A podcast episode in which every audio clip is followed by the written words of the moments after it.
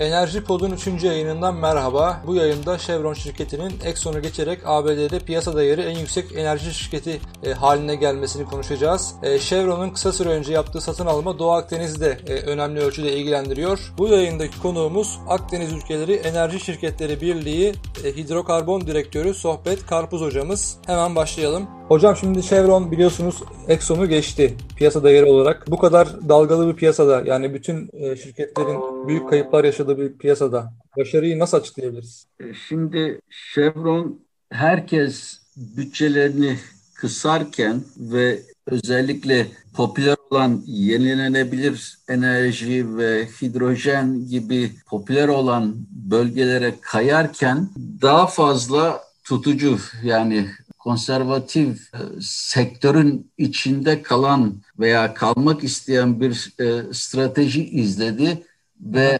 geçtiğimiz seneden itibaren bakarsak yani yenilenebilir ve alternatif enerji kaynaklarından ziyade işte petrol ve özellikle geçen seneden beri gaza birazcık da ağırlık verdiğini görüyoruz. Şimdi Shell'le BP'nin e, durumunu görüyoruz. E, Shell BP şimdi bu gibi şirketlerin, uluslararası şirketlerin en önemli özelliklerinden bir tanesi rezervleri sahip oldukları rezervleri arttırma konusu önemli çıkıyor. Buna ya içerisinde tam olarak biliyorum.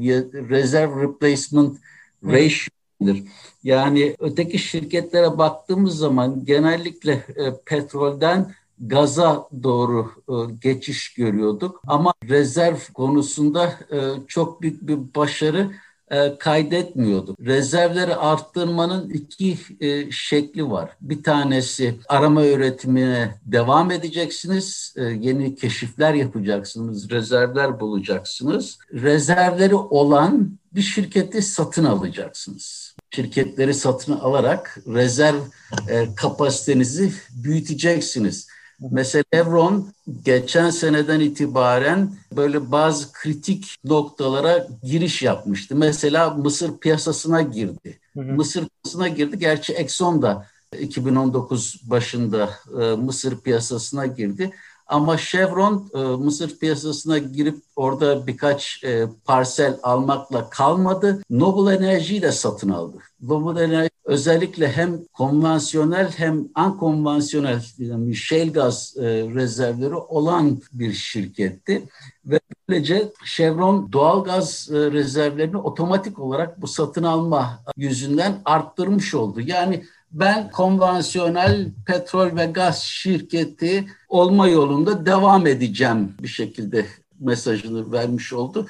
Çünkü dediğim gibi herkes arama üretim yatırımlarını kesip yenilenebilir enerji teknolojisine kaymakta. Amaç şuydu bir tanesi ortaklarını yani hissedarlarını memnun etmek. İkincisi işte biz temiz enerjiye yöneliyoruz imajı vererek yani e, uluslararası iklim iklim camiasında birazcık daha popüler olmak. Ama Chevron ve Exxon'da bunu e, tam olarak henüz henüz görmedik. Bu özellikle Avrupalı şirketlerde bunu görüyoruz. Total'dir, ne bileyim BP'dir, Shell'dir. Şu anda Naturgy de ona e, dönmüş oldu. Dolayısıyla özellikle şu anda e, düşük seyreden petrol ve gaz fiyatları da bu birçok şirketi bu alternatif yönlere kaymaya teşvik etmişti. Ama demek ki bu Chevron, Exxon gibi devler ileride petrolsüz ve gazsız bir gelecek olmayacağı konusunda bir görüşe sahip ve bunun için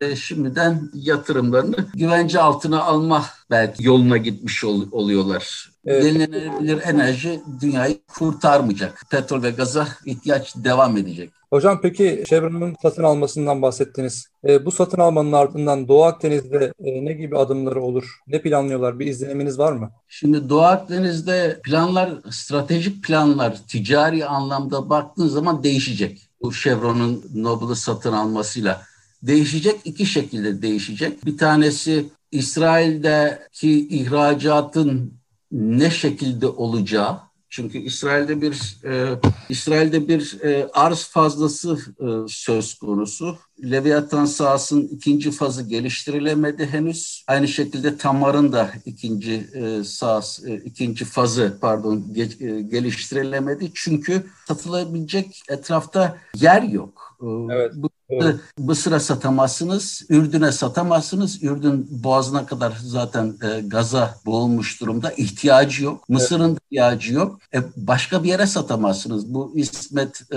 Pipeline diyoruz. Onun e, geleceği birazcık muallak. LNG olarak satmanız lazım. E, Avrupa piyasasına satamazsınız. Bunu Asya piyasasına satabilirsiniz ama nasıl LNG olacak? E, şimdi şeye bakarsanız bu satın alma olmadan önce Noble ve Delek Enerji e, yüzer LNG tesisi düşünüyorlardı. E, ki evet. biraz, biraz flexible oluruz ve ne bileyim boru hatlarıyla uğraşmayız, e, Mısır'a bağımlı olmayız ve e, piyasa şartları neresi uygunsa orayı özellikle Asya'yı Asya'ya satabiliriz. İşte Süveyş üzerinden Asya piyasasına gönderebiliriz şek şeklindeydi. Dolayısıyla sadece tabii İsrail gazı değil, şu anda Noble'ın hissesini almakla aynı zamanda e, şeydeki Kıbrıs'taki, Güney Kıbrıs'taki Afrodit sahasının da operatörü olmuş oldu. Yani Afrodit sahasının geliştirilmesi ve oradaki gazın dış piyasaya satılması da artık Chevron'un bir şekilde tek eline girmiş oldu. Dolayısıyla muhtemelen hem Leviathan hem Afrodit sahasını beraber geliştirme yolunda bir strateji izleyip bunu belki e, yüzer LNG ile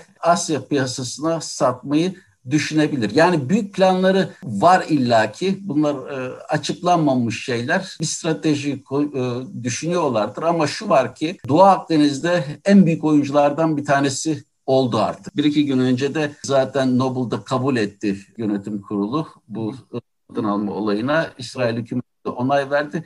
Artık olay e, bitmiş durumda. Nasıl bir strateji izleyecek göreceğiz. Şu andaki tek bir e, dezavantaj onlar için işte bir Covid nedeniyle talebin düşmesi ve e, fiyatların çok düşük olması. Yani Chevron şu anda ne yapacaksa yapsın kısa vadeli bir planı olmayacaktır.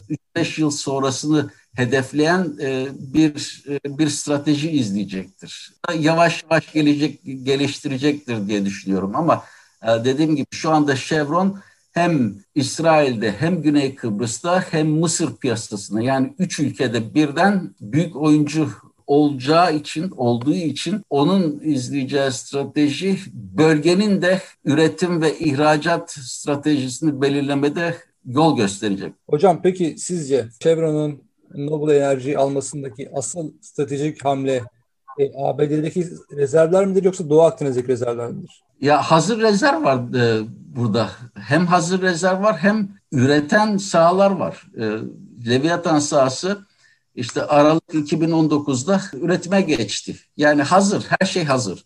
Altyapısı hazır, üretim üretimi de yapıyor, rezervi de bol, büyüme potansiyeli de var. Her şey mevcut. Niye arayıp gidip e, parayı riske atıp riskli yerlerde araba çalışmalarına gireceksin? Hazır bir portföy var. Fiyat da uygundu onun için ki aslına bakarsanız birazcık da fazla para ödemiş oldu ucuza alabilirdi. Ama demek üçüne beşine bakmıyorlar. Yani hazır potansiyel, hazır üretim yapan, üretim yapan bir şey ve e, dünyanın birçok yerinde portföyü olan e, bir şirketi satın almakla gücüne güç katmış oldu bence şahsi olarak. Hocam katılımınız için çok teşekkür ederim. Rica ederim. Kolay gelsin. Enerji Pot'un 3. E, bölümünün e, sonuna geldik. Dinlediğiniz için teşekkür ederiz.